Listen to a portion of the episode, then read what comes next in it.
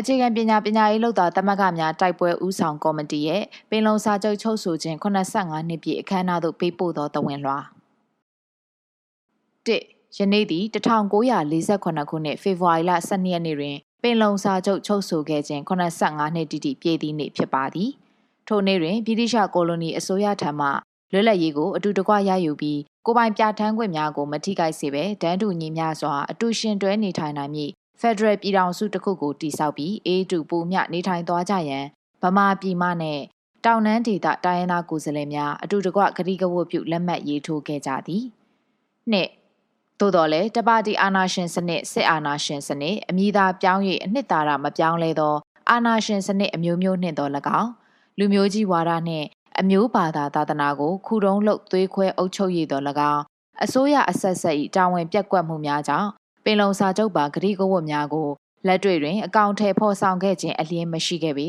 ထို့ကြောင့်သူ့ကျွန်ဘွားမှလွတ်မြောက်ခဲ့တော်လဲစစ်ကျွန်ဘွားသို့ထပ်မံကြားရောက်ခဲ့ရသည်မှာငင်းပယ်၍မရသောတမိုင်းသက်သေပင်ဖြစ်သည်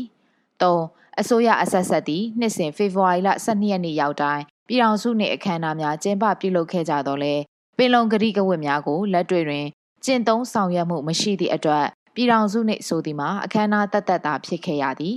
တစ်ဖက်တွင်လည်းအတူရောင်ပြည်ထောင်စုဝါဒကိုအာဏာရှင်များကပုံစံအမျိုးမျိုးဖြင့်တွတ်သွင်းခဲ့ကြသည်မှာယနေ့အထိပင်ဖြစ်သည်ထို့ကြောင့်စစ်အာဏာရှင်စနစ်နှင့်လူမျိုးကြီးဝါဒသည်ပင်လုံစာချုပ်နှင့်ပင်လုံကတိကဝတ်ကိုအခြေခံသော Federal Democracy ပြည်ထောင်စုတည်ဆောက်ရေးတွင်အဓိကကျသောအဟန့်အတားတစ်ခုပင်ဖြစ်သည်၄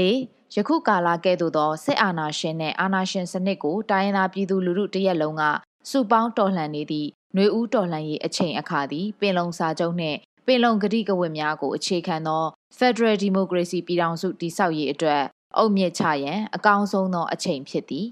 ငါထို့ကြောင့်တော်လှန်ရေးဦးဆောင်အဖွဲ့အစည်းများဖြစ်သော NUCC,